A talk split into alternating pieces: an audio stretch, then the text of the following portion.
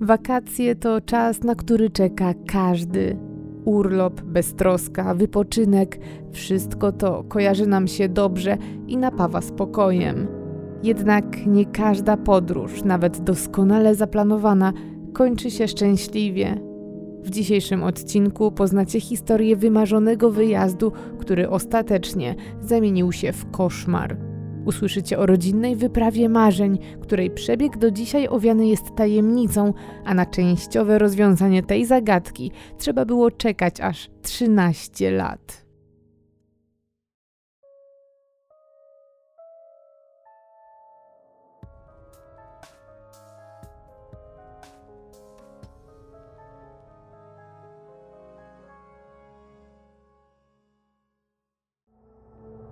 Jest 8 lipca 1996 roku. Zaledwie kilka dni temu w kinach zadebiutował wielki kasowy przebój z Willem Smithem w roli głównej Dzień Niepodległości. Tego dnia termometry na lotnisku w Los Angeles wskazują przyjemne 22 stopnie. Dla mieszkańców miasta jest to wyjątkowo niska temperatura, jednak wysiadający z samolotu Egbert Rimkus jest pozytywnie zaskoczony. W końcu wszyscy jego znajomi z rodzinnego Drezna w Niemczech straszyli go, że wyjazd do Kalifornii w środku lata będzie istną udręką. Zaraz za nim z samolotu wysiada jego 11-letni syn Georg, który na co dzień mieszka tylko z mamą, ponieważ Egbert i Heike Rimkus kilka lat wcześniej wzięli rozwód – Mimo rozstania, para rodziców pozostaje jednak w dobrych relacjach, aby zapewnić swojemu synowi chociaż namiastkę rodziny, a opieką nad synem dzielą się po połowie. Po ojcu z synem wysiada jeszcze ciemnowłosa kobieta i mały, czteroletni chłopiec. Chociaż Egbert przeżył niedawno rozpad swojego małżeństwa, to wcale nie boi się nowej relacji i chce ułożyć swoje życie miłosne na nowo. Dlatego na ten wyjazd, stanowiący de facto spełnienie jego największego marzenia z dzieciństwa, zabiera swoją nową dziewczynę, którą poznał w Dreźnie. Jest nią 27-letnia Cornelia Meyer, która sama jest świeżo po rozwodzie i która podobnie jak Egbert chce znowu stworzyć związek. I ona ma dziecko z poprzedniego małżeństwa, którym jest syn czteroletni Max i którego także zabrała do Stanów. Na wycieczkę na odległy kontynent wybrała się więc cała patchworkowa rodzina, dwoje dorosłych i dwójka chłopców. Wyjazd na zachodnie wybrzeże Stanów Zjednoczonych to niezwykłe przeżycie, szczególnie dla Egberta. Jako chłopak wychowany w NRD od zawsze fascynował się zachodnią kulturą, którą mógł jednak podziwiać tylko w telewizorze i w kinie. Dzisiaj jego marzenie wreszcie się ziściło i po prawie 30 godzinach lotu z przesiadką w Seattle wylądował w mieście Aniołów, stolicy zachodniego kina i kultury, a za chwilę uda się w wielką, prawie 20-dniową podróż objazdową po najważniejszych punktach regionu. To spełnienie jego marzeń, które na dodatek zrealizuje z nową miłością i swoim ukochanym synem. 34-letni Egbert jest człowiekiem niezwykle dokładnym, co być może wynika z zawodu, jaki wykonuje w Niemczech, ponieważ jest tam architektem. Dlatego cała wyprawa do Stanów jest przez niego skrupulatnie zaplanowana, rozpisana i nie ma w niej miejsca na niespodzianki. Po odebraniu walizek z lotniska, cała czwórka udaje się prosto do okienka wypożyczalni samochodowej, a tam już od rana czekają na nich kluczyki do pachnącego jeszcze salonem samochodowym ciemnozielonego Plymoutha Voyagera. Zapewne nawet wybór tego konkretnego modelu nie był przypadkowy, gdyż był to absolutny bestseller tamtych czasów w kategorii samochodów rodzinnych. Egbert może więc poczuć się jak głowa typowej amerykańskiej rodziny i wozić swoich bliskich w komforcie i przestronności oferowanej przez amerykańską branżę motoryzacyjną. Innymi słowy, wybór takiego auta pozwolił rodzinie z Niemiec poczuć w pełni, że znajdują się na amerykańskiej ziemi. I tak w niecałą godzinę od wylądowania czwórka niemieckich turystów pakuje się do przestronnego minivana i opuszcza teren lotniska Los Angeles International, zaczynając w ten sposób wymarzone wakacje za oceanem. Przez kolejne dni patchworkowa rodzina Rimkusów zwiedza Los Angeles i okoliczne miejscowości, odwiedzając m.in. Hollywood, Malibu, plaże w Santa Monica czy też obserwatorium Griffitha. Jednocześnie powoli zmierzają na południe przez międzystanową autostradę numer 5, która rozciąga się wzdłuż zachodniego wybrzeża i zapewnia nieziemskie wręcz widoki. Zgodnie z planem podróży, po kilku dniach od przylotu, niemiecka rodzina opuszcza Kalifornię i kieruje swojego zielonego Voyagera na północny wschód. Egbert wjeżdża na autostradę międzystanową numer 15 i wszyscy obserwują, jak klimat i krajobraz dookoła zmienia się nie do poznania. Powoli znikają wszelkie zabudowania i nawet najmniejsze ostoje zielonej roślinności. Niecałe dwie godziny od wyjazdu z prawie 13-milionowej metropolii ich samochód mknie przez bezkresne pustkowie niczym z innej planety, a klimatyzacja z powodu ponad 40-stopniowego upału powoli odmawia posłuszeństwa. Wtedy właśnie ich oczom ukazuje się tabliczka informująca o tym, że właśnie wjechali na teren surowej pustyni Mojave, a najbliższe duże miasto to Las Vegas, do którego zostało im jeszcze ponad 160 kilometrów. Ich celem nie jest jednak kolorowe Las Vegas, a położone obok miasteczko Paradise, a wynika to z prostego faktu, o którym nie każdy wie, mianowicie ikoniczny Las Vegas Strip, przy którym znajdziemy gigantyczne hotele i kasyna, barwne neony i nieprzebrane tłumy turystów gotowych na dobrą zabawę, to tak naprawdę aleja położona właśnie w mieście Paradise. Dokładnie tam, pięknego, upalnego wieczoru w temperaturze ponad 30 stopni na parkingu pod hotelem Treasure Island parkuje nasz znajomy zielony minivan. Kolejny punkt amerykańskiej wycieczki marzeń to około 10-dniowy pobyt w tym nowoczesnym hotelu w motywie karaibskim, który oferuje swoim gościom nie tylko dostęp do przestronnego kasyna i kilku ekskluzywnych restauracji, ale też możliwość zobaczenia niezwykłego występu rezydenckiej ekipy Cirque du Soleil – Rodzinę czekają więc długie dni pełne luksusu i atrakcji na miarę amerykańskich elit. Do tej pory cały wyjazd jest spełnieniem marzeń i wszelkich oczekiwań. W kontakcie telefonicznym z Egbertem i swoim synem ciągle pozostaje Heike, była żona Egberta i mama Georga. Synek na bieżąco i z wielkim przejęciem relacjonuje jej wyprawę na inny kontynent. Wyraźnie da się odczuć, że jest równie spełniony co jego tata. 21 lipca, na nieco ponad tydzień przed planowanym powrotem, Egbert dzwoni do swojej byłej żony i informuje ją o planach na kolejne dni. Cała czwórka Niemców ma zamiar na zajutrz wymeldować się z hotelu i opuścić Nevadę. Chcą ponownie skierować się w stronę Kalifornii, ale tym razem w inną jej część, a dokładnie do Furnace Creek, stanowiącego punkt wypadowy dla turystów chcących zwiedzić ikoniczną Dolinę Śmierci. Przez kolejne dni będą podróżować po szlakach tego malowniczego na swój sposób Parku Narodowego, a w okolicach 27 lipca, zgodnie z ustalonym wcześniej planem, powrócą do Los Angeles, gdzie zarezerwowany mają lot powrotny do rodzinnych Niemiec. Heike spędza w Dreźnie kolejne dni, oczekując na rozmowę z synem i jego ojcem. Telefon niestety cały czas milczy. Kobieta doskonale wie, że ostatnim etapem podróży jest przemierzanie bezludnej pustyni, więc brak kontaktu tłumaczy sobie zwyczajnym brakiem dostępu do telefonu. Zaczyna godzić się też z faktem, że zapewne porozmawia z synem dopiero, gdy ten znajdzie się na lotnisku. A niedługo później ten dzień nadchodzi. Jest 27 lipca, dzień, w którym z Los Angeles odlatuje samolot powrotny do Niemiec. Heike przekonana jest, że telefon zadzwoni już lada chwila, a Egbert zamelduje pomyślne dotarcie na lotnisko. Kobieta przez cały dzień czuwa przy aparacie, ale przychodzi wieczór, a ani syn, ani były mąż nie dają znaku życia. Lekko zdenerwowana Heike ponownie szuka wyjaśnienia. Zrzuca brak kontaktu telefonicznego na zamieszanie związane z odprawą czy trudnościami z dostępem do telefonu. Być może z powodu jakichś drobnych kłopotów jej były mąż ledwo zdążył dojechać na lotnisko i zwyczajnie nie było czasu, aby zadzwonić i się zameldować. Heike z całych sił próbuje postawić się na miejscu wracających z innego kontynentu dorosłych ludzi z dwójką dzieci, którzy trafili na zatłoczone lotnisko.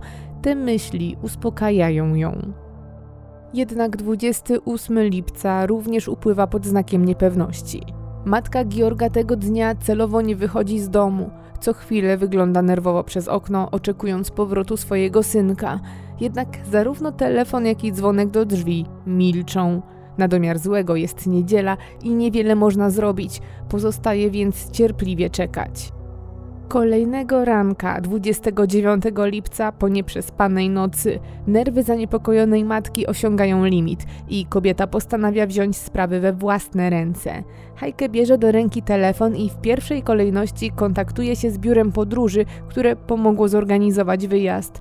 Mężczyzna po drugiej stronie słuchawki jest bardzo uprzejmy i obiecuje przyjrzeć się sprawie i skontaktować z kim trzeba. Ten czas pełen oczekiwania dłuży się coraz bardziej, bo Egbert i Georg wciąż nie dają znaku życia.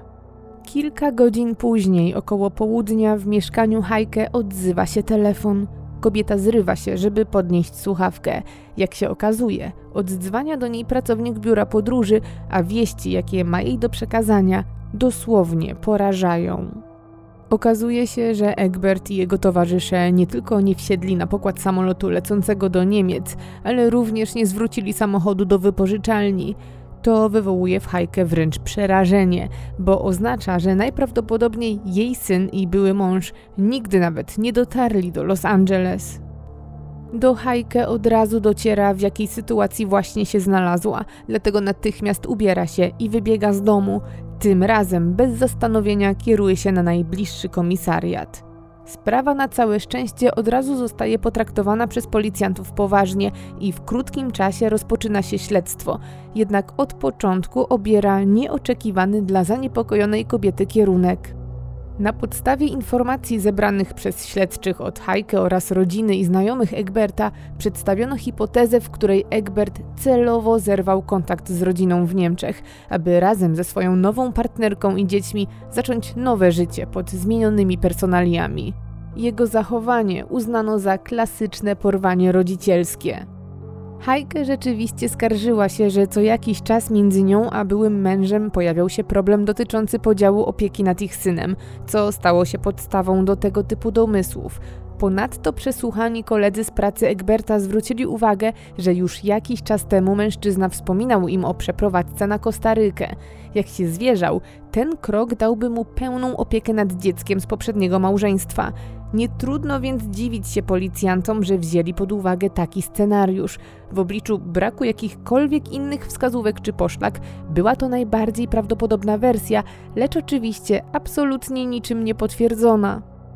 Mimo dosyć szybkiej reakcji lokalnej policji i podejrzenia uprowadzenia rodzicielskiego, sprawa zostaje zgłoszona do Interpolu dopiero 14 sierpnia, czyli aż 16 dni od pierwszych doniesień o zaginięciu. Dopiero po tym czasie portrety pamięciowe zaginionych zostają rozesłane po wszystkich krajach, do których mogli udać się poszukiwani. Pierwszy etap poszukiwań okazuje się jednak być bezskuteczny. Służby krajowe i międzynarodowe nie znajdują niczego, co pomogłoby im dowiedzieć się czegokolwiek na temat losów niemieckiej rodziny. Wiadomo tylko, że ostatnim miejscem, w którym Niemcy widziani byli cali i zdrowi, był hotel Treasure Island w Paradise w Nevadzie, z którego odbyła się również ostatnia rozmowa telefoniczna z Heike. Przez kolejne dni wszyscy czekają na jakiekolwiek informacje, mając w głębi nadzieję, że cała ta sytuacja została zręcznie przygotowana przez Egberta i że wszyscy są cali i zdrowi. Jednak mimo upływu czasu nic się nie wyjaśnia. Jest 21 października 1996 roku. To prawie trzy miesiące od zaginięcia Niemców. Dave Brenner, strażnik parkowy i pilot śmigłowca z Narodowego Parku Doliny Śmierci, odbywa rutynowy lot nad terytorium parku. Loty te odbywają się w ramach współpracy z DEA, Agencją do Walki z Narkotykami i mają charakter prewencyjny i patrolowy. Zadaniem Dave'a jest oblatywanie okolicy w celu namierzenia nielegalnych laboratoriów narkotykowych zarządzanych przez półświatek. W czasie przelotu nad kanionem Anvil Spring jego uwagę zwraca refleks świetlny dochodzącego z jednego z okolicznych wąwozów. Dave natychmiast obniża pułap i kieruje maszynę w stronę oślepiającego go światła, licząc na to, że w końcu uda mu się zlokalizować nielegalne laboratorium. Jednak gdy podlatuje bliżej, jego oczom ukazuje się coś zgoła innego, chociaż równie zaskakującego. Pośrodku wąwozu, na absolutnym pustkowiu i w zaspie piaskowej, stoi zakopany po same koła zielony rodzinny minivan. Widok ten jest dużym zaskoczeniem dla Dave'a. Teren ten jakiś czas temu został uznany za część obszaru dzikiej przyrody, a więc poruszanie się po nim samochodem jest absolutnie zabronione. Oczywiście sam fakt złamania tego przepisu go nie dziwi. W końcu to dzięki ludziom, których nie interesuje lokalne prawo parkowe, stworzono jego stanowisko pracy. Przedziwny jest dla niego za to dobór pojazdu, który miał posłużyć do złamania tych przepisów. W końcu znaleziony w wąwozie ciemnozielony Voyager jest bardziej samochodem rodzinnym niż terenowym. Nie posiada on tak ważnego do poruszania się po tej trudnej trasie napędu na cztery koła, nie ma też odpowiednich opon ani odpowiednio dużego prześwitu. Innymi słowy, to auto zupełnie nie nadaje się do jazdy w terenie. Mimo wszystko, w pierwszej chwili Dave jest pod ogromnym wrażeniem, że komuś udało się dojechać takim rodzinnym samochodem w głąb parku i już w głowie zaczyna planować, w jaki sposób złapać intruzów i skonfrontować ich z konsekwencjami. Ale im dłużej mężczyzna przygląda się pojazdowi, tym bardziej zaczyna się niepokoić. Dave zauważa, że trzy opony w odnalezionym samochodzie są nie tyle co przebite, a miejscami wręcz mocno poszarpane, co wskazuje na to, że ktoś z dużym uporem i na długim dystansie jechał bez powietrza w kołach. Auto też pokryte jest grubą warstwą pyłu, a ślady kół w piasku są już ledwo widoczne.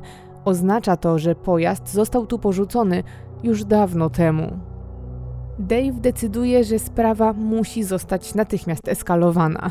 Spisuje numery rejestracyjne porzuconego pojazdu i wraca do bazy, gdzie jego przełożeni powiadamiają policję. Ci zaś szybko weryfikują podane numery i identyfikują samochód jako skradziony dwa miesiące wcześniej pojazd należący do kalifornijskiej firmy wynajmującej samochody. Odnajdują też notatkę, która mówi, że ostatnim wynajmującym był Egbert Rinkus, obywatel Niemiec zgłoszony jako zaginiony w sierpniu tego roku. To niespodziewane odkrycie sprawia, że śledztwo w sprawie czwórki zaginionych Niemców zostaje od razu wznowione, jednocześnie nadzieje, że patchworkowa rodzina przebywa gdzieś cała i zdrowa na Kostaryce, zaczynają topnieć.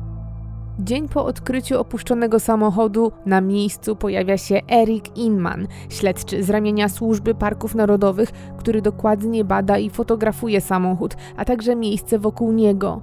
Inman znajduje m.in. kilka pustych opakowań po żywności i napojach, co może wskazywać na to, że rodzina spędziła w tym miejscu trochę czasu, nim ruszyła gdzieś dalej. Śledczy postanawia działać i od razu spotyka się z miejscowymi przedstawicielami biura szeryfa, detektywem Jimem Jonesem oraz kapralem Leonem Boyerem. Po rozmowie cała trójka postanawia udać się jeszcze raz w miejsce znaleziska.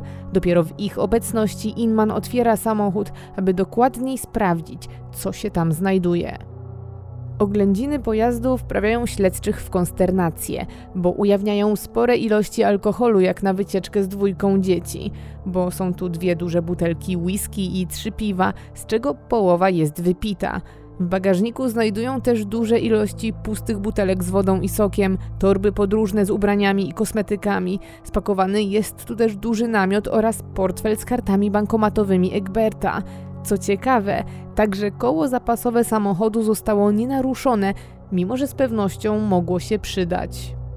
Pośród wszystkich rzeczy, jakie mężczyźni znajdują w samochodzie, ich uwagę najmocniej przykuwa flaga, wyglądająca identycznie jak ta, która została uznana za skradzioną niecałe trzy miesiące temu z tzw. Tak chaty geologa, popularnego punktu orientacyjnego w parku, oddalonego od miejsca odnalezienia samochodu o ponad 10 kilometrów. To istotny trop, który być może pomoże odtworzyć trasę, jaką przebyła rodzina. Przeszukanie samochodu trwa, a śledczy mają nadzieję, że z każdym kolejnym znaleziskiem ta niezrozumiała dotąd układanka zacznie wreszcie tworzyć spójną całość. I tak na tylnej kanapie samochodu mężczyźni znajdują jeszcze inną interesującą poszlakę. Jest to jeden fabrycznie zapakowany śpiwór oraz puste i otwarte opakowanie po drugim takim samym. Dzięki analizie raportów strażników parkowych z ostatnich miesięcy, śledczy odkrywają, że około miesiąc po zaginięciu niemieckiej rodziny podczas jednego z rutynowych patroli, jeden ze strażników znalazł porzucony śpiwór i to w odległości aż 30 km na południe od samochodu. Śpiwór był taki sam jak ten w i pasujący do pustego opakowania. Niestety w tamtym czasie, gdy znaleziono porzucony przedmiot, władze parku nie miały aż tylu informacji na temat zaginionej rodziny. Wtedy jeszcze nie przypuszczano, że w tych okolicach należy kogoś szukać. W związku z tym potraktowano to znalezisko jako zwykłe śmieci pozostawione przez niedbających o otoczenie turystów i bardzo możliwe, że nieumyślnie wyrzucono wtedy jedną z najważniejszych poszlak w tym śledztwie. Dwa dni po odnalezieniu samochodu i dokładnych oględzinach na miejscu pojawia się specjalny pojazd, z użyciem którego udaje się odholować minivana na parking firmy Miller Stowing do pobliskiego miasteczka Lone Pine. W tym samym momencie akcje poszukiwawcze rozpoczynają specjalne grupy pieszych tropicieli, które wydzielono z zasobów lokalnych biur szeryfa i straży parkowej oraz elitarnej grupy poszukiwaczy z bazy lotniczej China Lake. Najważniejszym zadaniem jest teraz odnaleźć rodzinę z Niemiec. Pierwszego dnia szeroko zakrojonych poszukiwań udaje się coś znaleźć, bo w odległości około 2,5 km na wschód od pojazdu, przy niewielkich zaroślach w kanionie Anvil, pracujący w terenie znajdują pustą butelkę po piwie, a istotne jest to, że butelka ta pasuje do tych znalezionych w samochodzie. Tropiciele zwracają też uwagę na ślady siedziska po jednej osobie, które mogły wskazywać na postój. Wszystko wygląda więc tak, że zaginieni Niemcy szli właśnie tą drogą, być może szukając pomocy. Zespół tropicieli czuje więc, że jest na dobrym tropie i postanawia poszerzyć obszar poszukiwań. Wszyscy liczą na to, że znajdą kolejne ślady. Na miejsce zjeżdżają się więc dodatkowe zespoły ratunkowe wyposażone w konie i psy tropiące. W akcję poszukiwawczą przez 24 godziny na dobę zaangażowane są też dwa śmigłowce, których zadaniem jest zarówno przeszukiwanie obszaru z góry, jak i szybki transport grup pracujących w terenie. Ale mimo tak licznych i zaawansowanych działań nie pojawia się żaden nowy trop. Ludzie są zmęczeni i przede wszystkim zdemotywowani, bo wiedzą, że właśnie skrupulatnie przeszukali obszar większy niż jest w stanie pokonać niedoświadczona rodzina z dziećmi.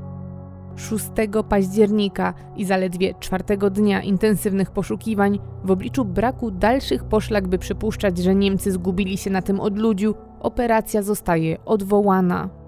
W jej szczycie zaangażowanych było ponad 250 osób, a koszty całego przedsięwzięcia wyniosły 80 tysięcy dolarów, co po uwzględnieniu inflacji daje nam 150 tysięcy dzisiejszych dolarów. Na ten moment zrobiono wszystko. Śledczy wiedzą już, że jeżeli rodzina z Europy zgubiła się w Dolinie Śmierci, to szansa na odnalezienie ich żywych wynosi w tym momencie 0%. I mimo, że szeroko zakrojona akcja poszukiwawcza dobiega końca, to śledztwo w sprawie wciąż trwa. W toku analizy zebranych poszlak i dowodów śledczym udaje się zrekonstruować linię czasową od momentu opuszczenia Las Vegas aż do porzucenia samochodu w kanionie. Zdaniem zespołu Egbert razem z bliskimi dotarł do Furnace Creek 22 lipca, czyli tego samego dnia, w którym opuścił hotel w Paradise. Będąc tam, w punkcie dla zwiedzających zakupił dwie sztuki broszury bardzo lakonicznego przewodnika po Dolinie Śmierci, ale był on w języku niemieckim. Ich pierwszy dzień po opuszczeniu ekskluzywnego hotelu zakończył się postojem w kanionie Hanapa w pobliżu Telescope Peak, gdzie znajdował się niewielki obóz kempingowy. Rodzina spędziła tam noc w dość komfortowych warunkach, aby na zajutrz, 22 lipca, wyruszyć w dalszą drogę. Pierwszy etap podróży mógł dawać rodzinie złudne wrażenie, że wszystko idzie zgodnie z planem.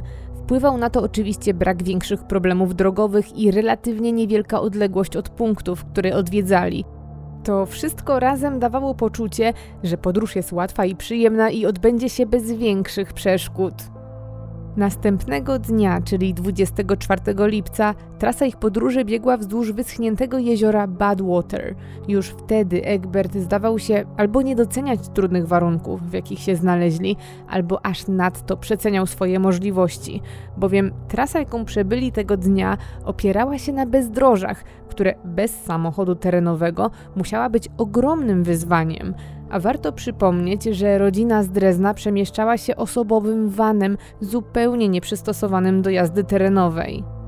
Mimo tego mieli szczęście i najwyraźniej udało im się pokonać wymagającą trasę, bo następnym potwierdzonym etapem ich podróży był obóz w Warm Springs, gdzie dawniej mieściła się kopalnia złota, nieeksploatowana już od 1980 roku. Na miejscu rodzina złożyła swoje podpisy w księdze wpisów, a na jednej z kart zostawili wiadomość w języku niemieckim, która brzmiała: Kierujemy się na przełęcz. Connie, Egbert, Georg i Max. Nie jest jednak pewne, o jakie dokładnie miejsce chodziło w notatce podróżującym Niemcom. Możliwe, że wspomnianą lokalizacją była oddalona od Warm Springs o około 23 km przełęcz Mengel, Niemniej, bez względu na to, czy zgodnie z zamieszczonym wpisem dotarli do celu, czy też nie, ostatnim potwierdzonym miejscem, jakie na pewno odwiedzili, była tak zwana chata geologa położona w Butte Valley. To miejsce z małym kamiennym budynkiem na samym środku całkowitego odludzia, oddalone od Warm Springs o około 19 kilometrów, z tej dającej schronienie przed słońcem chaty rodzina ukradła zawieszoną na maszcie flagę Stanów Zjednoczonych, którą później śledczy znaleźli w ich samochodzie. Nie wiadomo czemu to zrobili, być może na swój sposób uznali to za ciekawą pamiątkę z podróży. Co bardzo istotne, do chaty geologa nie prowadziła żadna utwardzona droga. Rodzina musiała więc zjechać z równej szosy i pokonać bezdroża minivanem. Szczęście w nieszczęściu udało im się to, a po krótkim przystanku w tym charakterystycznym punkcie rodzina miała już zawrócić w stronę przełęczy i zgodnie z mapą z broszury kierować się na skrót przez Anvil Spring Canyon, który miał doprowadzić ich z powrotem do asfaltowej drogi. Po powrocie na normalną nawierzchnię trasa miała zapewne biec po przeciwnej stronie pasma górskiego Panmint, a po drodze mieli mijać między innymi niesławne rancho Barkerów, znane z tego, że przez pewien czas rezydowała na nim sekta Charlesa Mansona. Zakłada się, że ostatnim już przystankiem ich podróży po Dolinie Śmierci miało być opuszczone miasteczko Ballarat, które niegdyś pełniło funkcję punktu zaopatrzeniowego dla pobliskich kopalń. Po odwiedzeniu ostatniej atrakcji mieli już tylko udać się do Yosemite, skąd czekała na nich podróż na lotnisko do Los Angeles, a następnie lot do domu, do Niemiec. Wszystko było zaplanowane od A do Z, ale wystarczył jeden błąd, by cała wycieczka zmieniła się w koszmar. Jak się okazało, mapa w broszurze, która kierowała ich po pustkowiach, była nieaktualna, a skrót przez Anvil Spring Canyon już od dłuższego czasu po prostu nie istniał. Chociaż śledczym udaje się dotrzeć do ostatniego miejsca, gdzie przebywała rodzina, i chociaż z dużym prawdopodobieństwem odtwarzają przebieg wydarzeń, to mijają kolejne lata, a zaginięcie rodziny pozostaje nierozwiązane tym czasie pojawiło się za to bardzo wiele teorii dotyczących losów rodziny. Przez długi czas najpopularniejszą w związku ze swoją pragmatycznością była ta mówiąca, że Egbert upozorował swoje zniknięcie i zmienił tożsamość, aby przejąć kontrolę rodzicielską nad swoim synkiem. Porzucony samochód na drugim końcu świata miał mu tylko ułatwić to zadanie. Inna, nieco bardziej szalona teoria mówi, że Egbert, który zafascynowany był zjawiskami nadprzyrodzonymi oraz tajnymi technologiami, mógł wykorzystać swoją podróż do poszukiwań tajnej bazy wojskowej, czegoś na wzór strefy 51, która nawiasem mówiąc nie znajduje się nawet na terenie parku, a jakieś 150 km na wschód w stanie Nevada. Warto jednak zaznaczyć, że niedaleko chaty geologa rzeczywiście znajdowała się baza wojskowa i niektórzy sugerowali, że to właśnie ona była celem Egberta. Według tej koncepcji mężczyzna i jego rodzina mieli w nielegalny sposób wkroczyć na tereny strzeżone przez wojsko. Zwolennicy tej wersji sugerują, że wszyscy zostali aresztowani lub spotkać mógł ich nawet znacznie gorszy los, ze względu na to, że zobaczyli zbyt wiele. Ostatnią hipotezą jest ta opisująca przypadkowe spotkanie rodziny z członkami grupy przestępczej. Część internautów wskazuje nawet na pozostałych na wolności członków rodziny Charlesa Mansona, która w przeszłości miała osadę na ranczu Barkera, oddalonego zaledwie o 25 km od samochodu. Według tej teorii niczego nie spodziewająca się rodzina miała zostać porwana przez wyznawców sekty, a porzucone na odludziu auto miało być jedynie ślepym tropem dla służb. Dla innych grupa przestępcza mogła być zupełnie niezwiązana z sektą, a raczej z nielegalnymi laboratoriami. W każdym z tych przypadków rodzina miała znaleźć się w złym miejscu o złym czasie i trafić na nieobliczalnych i bezwzględnych ludzi. Przez lata osoby zainteresowane tą sprawą próbują połączyć wszystkie wydarzenia i poszlaki z odpowiadającymi im teoriami, jednak brak jakichkolwiek większych dowodów nie może jednoznacznie potwierdzić ani obalić żadnej z nich. Najbardziej demotywujący i tajemniczy jest brak ciał i punktów zaczepienia, gdzie szukać. Dlatego też pośród zainteresowanych sprawą znajdują się śmiałkowie, którzy podejmują próby odnalezienia rodziny z Drezna na własną rękę. Jednym z nich jest Emmet Harder, który ostatecznie nawiązuje nawet współpracę z lokalnym biurem szeryfa. Niestety, ale każdy trop, który jest przez niego podejmowany, doprowadza go na bezkresną pustynię, a jego liczne poszukiwania ukierunkowane w stronę południowego wschodu nie przynoszą żadnych rezultatów. Gdy mijają kolejne lata, nikt nie spodziewa się już, że przełom w tej sprawie ma dopiero nadejść. Kiedy zdaje się, że tajemnicze zniknięcie czwórki Niemców pozostanie już na zawsze nierozwiązaną zagadką, sprawą zaczyna interesować się kolejny śmiałek, niejaki Tom Mahut. Tom jest członkiem grupy poszukiwawczo-ratowniczej z Los Angeles, który poza pracą, z własnej inicjatywy, zajmuje się poszukiwaniem zaginionych ludzi na terenie Stanów. Jest rok 2009, kiedy przypadkiem trafia na wzmianki o sprawie zaginionej 13 lat temu rodziny. Mężczyzna zaczyna fascynować się ich historią i godzinami przegląda internetowe fora, by bliżej przyjrzeć się tej sprawie.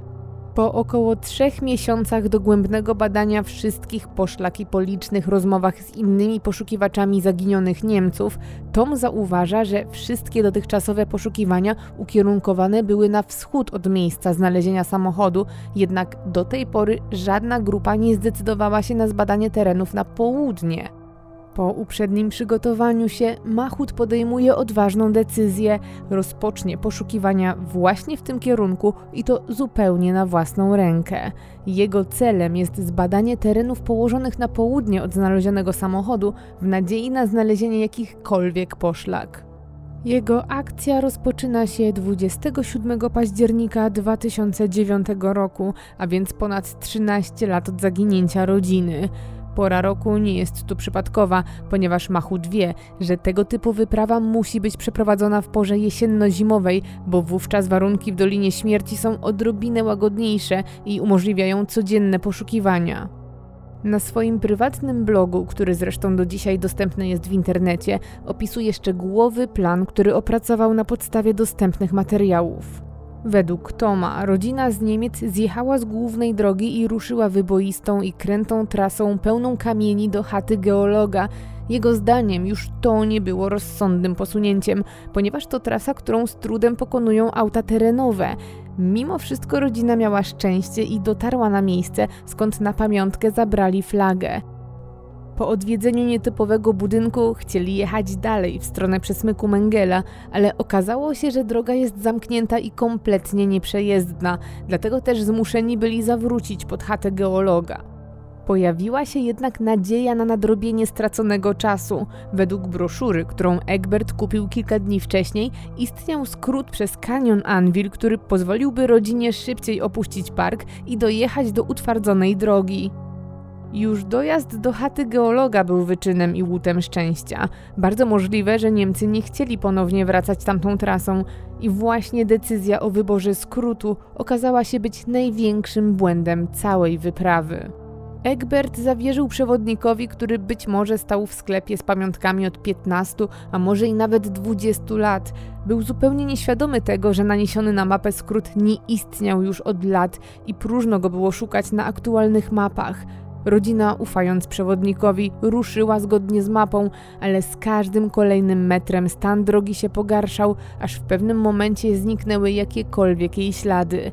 Egbert jechał więc całkowicie na ślepo, czego już nie wytrzymał rodzinny minivan.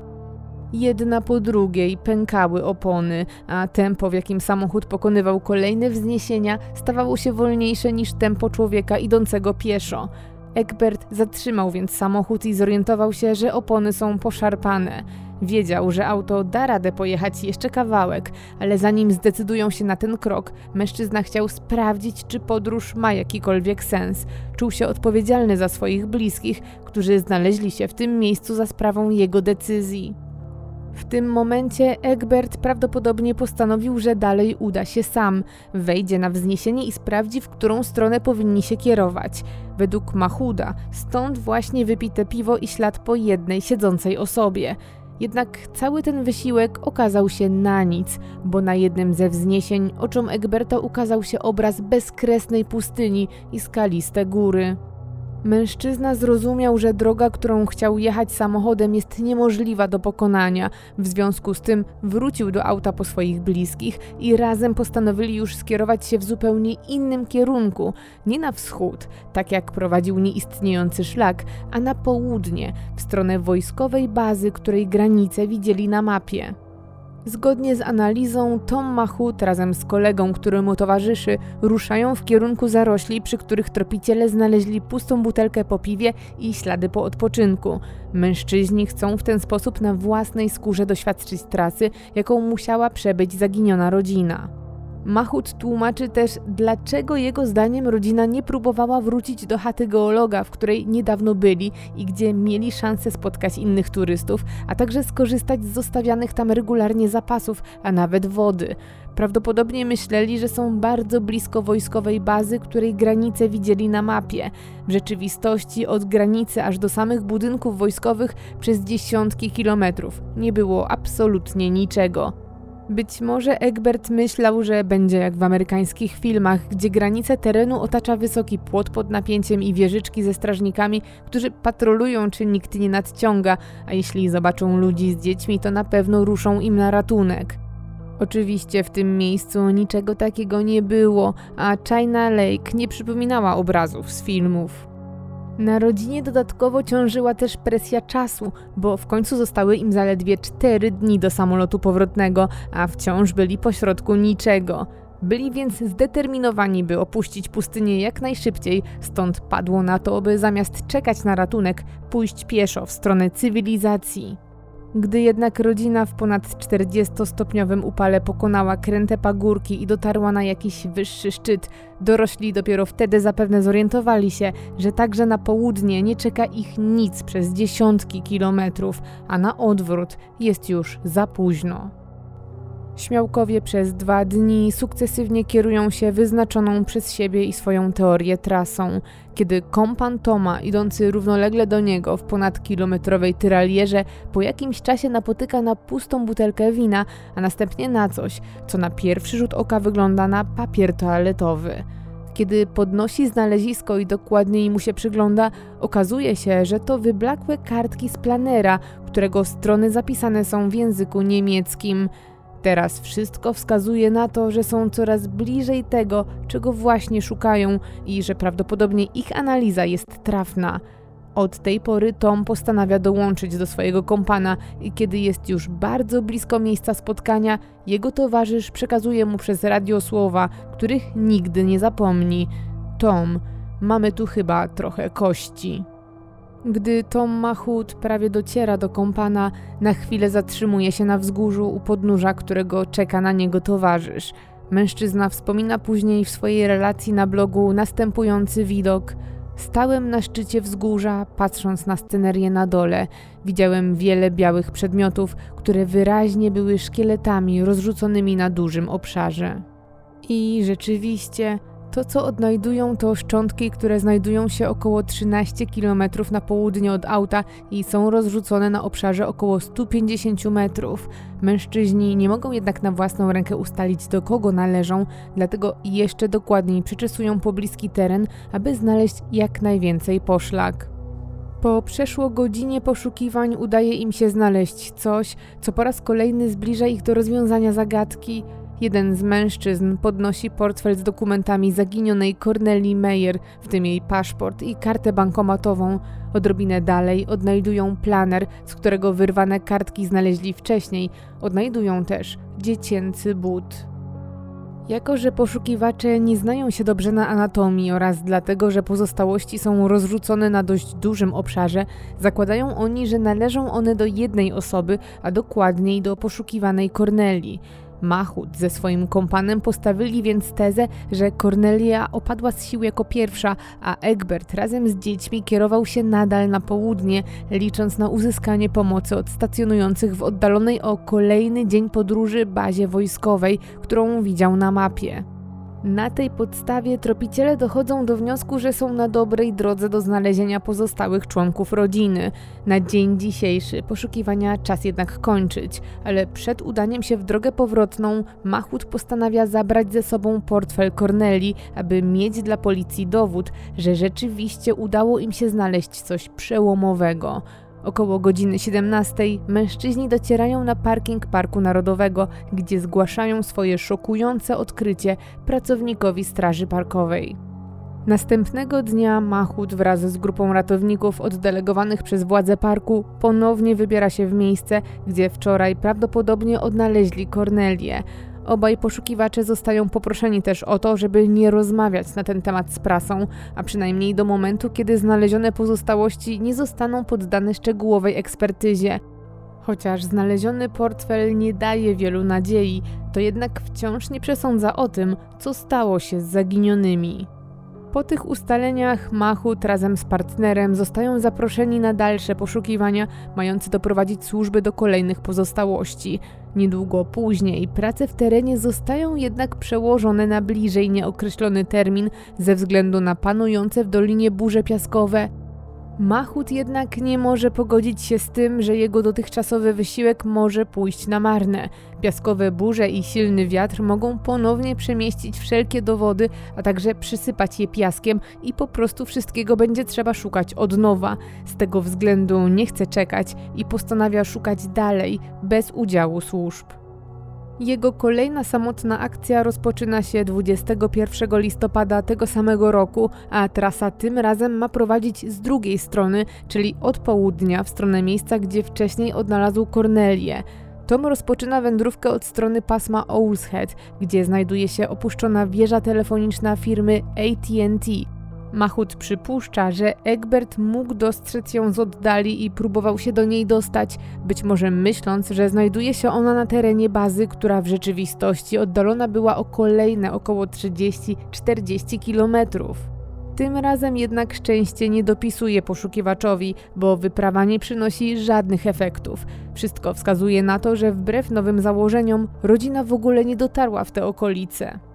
Kolejne poszukiwania z udziałem służb rozpoczynają się wraz z początkiem grudnia, kiedy burze w końcu słabną i dają możliwość ponownego przeszukania terenu. Grupa wolontariuszy Ochotniczego Zespołu Ratownictwa Górskiego wraz z Machudem na czele ponownie przeczesuje okolice miejsca, gdzie znaleziono portfel. Pod koniec dnia ponownie sprawdzają też te rejony, gdzie przed pojawieniem się burz piaskowych dowody zabezpieczały służby. Co ciekawe, i tu znajdują kolejne pozostałości.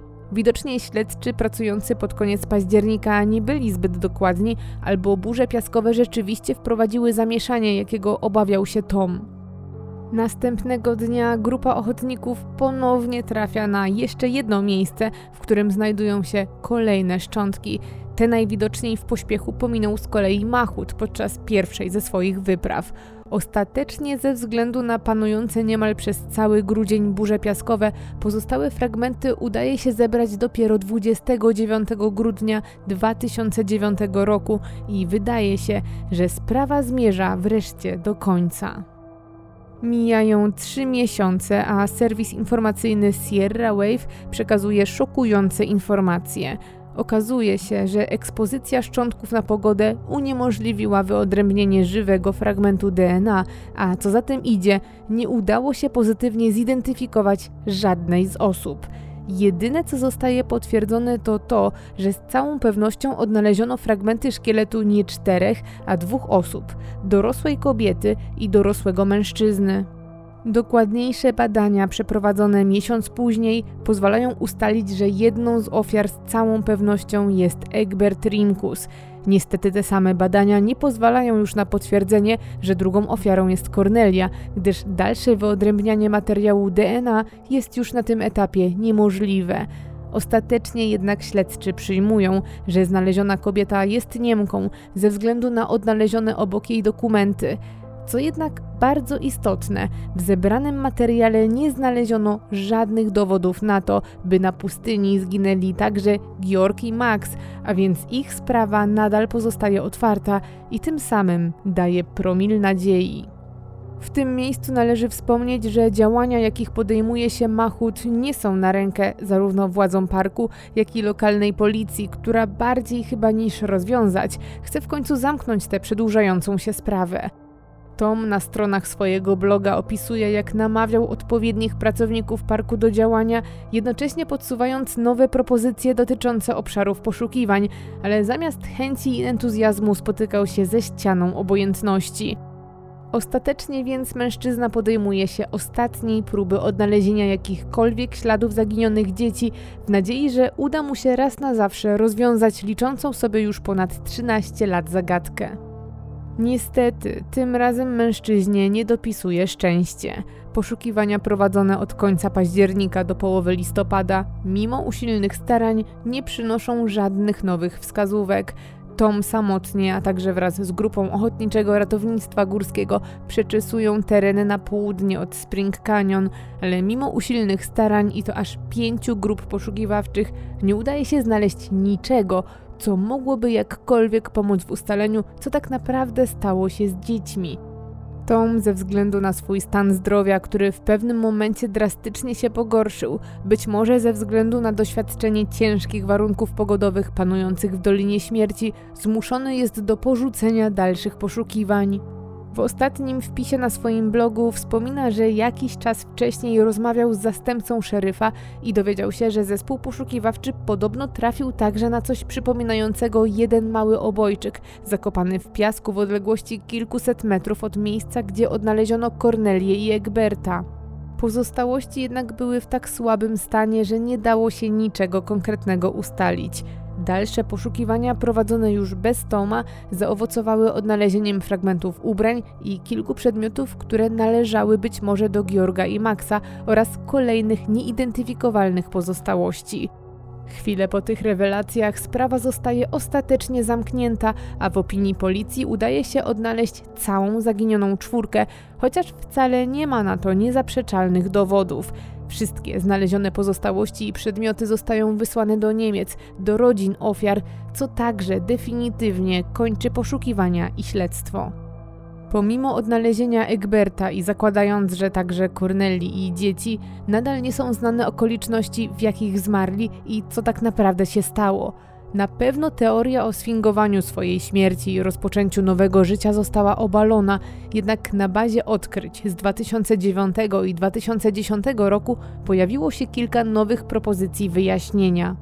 Bazując na odkryciach Mahuda, niektórzy sądzili, że rodzina faktycznie poszukując pomocy weszła na teren bazy wojskowej, gdzie zostali oni potraktowani jak intruzi i pozbawieni życia przez wojsko. Dla tak zwanej niepoznaki, szczątki całej czwórki miały zostać rozrzucone przez żołnierzy poza terenem bazy wojskowej, co miało oddalić jakiekolwiek podejrzenia. Teorię tą zdaje się potwierdzać pewna bierność służb, które od początku niechętnie zdawały się współpracować z Mahudem i jego pomocnikami. Dokładnie tak, jakby przez cały czas wiedzieli coś więcej na temat tego zaginięcia – rzeczywistości jednak wtargnięcia na tego typu obiekty to chleb powszedni służb odpowiedzialnych za patrolowanie terenu bazy i gdyby rzeczywiście niemieccy turyści zostali schwytani, to z dużą dozą prawdopodobieństwa w pierwszej kolejności odesłano by ich do znajdującego się w bazie lekarza, a po dojściu do siebie zostaliby odwiezieni do najbliższego miasta na przesłuchanie, a to co by im groziło, to co najwyżej mandat. Teoria dotycząca porwania, która była popularna przed 2010 rokiem, nieco ewoluowała po odkryciach, jakie miały miejsce ponad dekadę od zaginięcia. Biorąc pod uwagę, że przy szczątkach znaleziono dokumenty tylko Corneli, niektórzy wysnuli teorię, że rzeczywiście doszło do porwania, ale zabrane zostały tylko dzieci. Według tej wersji wydarzeń dorośli zostali pozostawieni sami sobie pośrodku nieprzyjaznego terytorium na pewną śmierć. W tej teorii zastanawiać może tylko, dlaczego ewentualni porywacze nie zdecydowaliby się na zabicie Egberta i Corneli, bo wszystkie poszlaki wskazują, że wędrowali oni jeszcze przez co najmniej dwa bądź nawet trzy dni szukając pomocy. Przecież gdyby jakimś cudem udało im się przetrwać, to porywacze prędzej czy później byliby poszukiwani. Zwolennicy tej wersji zwracają uwagę na to, że w samochodzie pozostał portfel Egberta razem z jego kartami płatniczymi. Były tam też wszystkie rzeczy osobiste należące do rodziny, co mogłoby wskazywać na opuszczenie samochodu w pośpiechu. Ostatnia, najbardziej pragmatyczna, a zarazem najbardziej prawdopodobna teoria mówi, że rodzina po prostu przeceniła swoje siły. Kiedy ich samochód został unieruchomiony na bezdrożach, postanowili udać się drogą na południe w stronę wojskowej bazy. W wyniku szybkiej utraty wody z organizmu oraz udaru cieplnego, kolejni członkowie rodziny opadali z sił i umierali. Być może dzieci odeszły jako pierwsze, a rodzice postanowili gdzieś je pochować, dlatego nie udało się odnaleźć żadnych śladów ich obecności. Możliwe też, że było zupełnie na odwrót. Rodzice oddawali ostatnie łyki wody Maxowi i Georgowi, którzy przeżyli najdłużej i zaszli znacznie dalej. Może też w przypływie paniki dzieci po prostu uciekły zmęczonym dorosłym, którzy nie mieli sił, aby je gonić. Mogły też na swojej drodze spotkać mieszkające tam sporych rozmiarów kojoty. Niestety znalezione przez ratowników ślady nie są w stanie w żaden sposób potwierdzić tych teorii, chociaż każda z nich wydaje się być bardziej tragiczna od drugiej. Nie ma jednak wątpliwości, że do dnia dzisiejszego nie odnaleziono żadnego dowodu, który z całą pewnością mógłby potwierdzić, że dzieci także straciły życie na pustyni. Zwolennicy teorii, że chłopcy zostali zabrani z pustkowia, wciąż mają nadzieję, że ci gdzieś żyją i że są bezpieczni. Chociaż rodziny pogodziły się ze stratą bliskich, a sprawa została oficjalnie zamknięta, to jak widać nadal zawiera w sobie wiele niewyjaśnionych kwestii i przez to wciąż budzi emocje. Nie jest jasne, czemu Egbert razem z bliskimi nie zdecydował się iść na zachód, jaki był ich koniec oraz co tak naprawdę stało się z Georgiem i Maxem. Niektórzy chcą wręcz wierzyć, że rzeczywiście doszło do porwania, co uratowałoby chłopcom życie. Tom Mahut, który z powodów zdrowotnych zmuszony był zrezygnować z dalszych poszukiwań, ma nadzieję, że znajdą się jeszcze ludzie, którzy, podobnie jak on, będą na tyle zdeterminowani, aby ostatecznie rozwiązać tę zagadkę i poszukać kolejnych dowodów. Do tej pory jednak, czyli już ponad ćwierć wieku od tragicznych wydarzeń, wciąż nikomu nie udało się przybliżyć do pełnego rozwiązania. Historia rodziny z Niemiec jest tragiczna i bardzo smutna. Wymarzony wyjazd, który miał pozostać w ich pamięci do końca życia i być przywoływany w opowieściach wiele razy, ostatecznie stał się ich ostatnią drogą. Historia ta powinna być także przestrogą przed zbyt brawurowymi podróżami, zwłaszcza jeśli nie jesteśmy na nie odpowiednio przygotowani. W tym wypadku Egbert i jego rodzina na własnej skórze przekonali się, jak bardzo niebezpieczna jest Dolina Śmierci. Jeżeli chcesz wesprzeć moją twórczość, zapraszam Cię na patronite.pl ukośnik Olga Herring, a także na moje media społecznościowe, szczególnie na mój Instagram. Wszystkie linki znajdziesz w opisie tego filmu. Będzie mi też bardzo miło, jeżeli zechcesz subskrybować mój kanał, dzięki temu nie przegapisz kolejnych odcinków.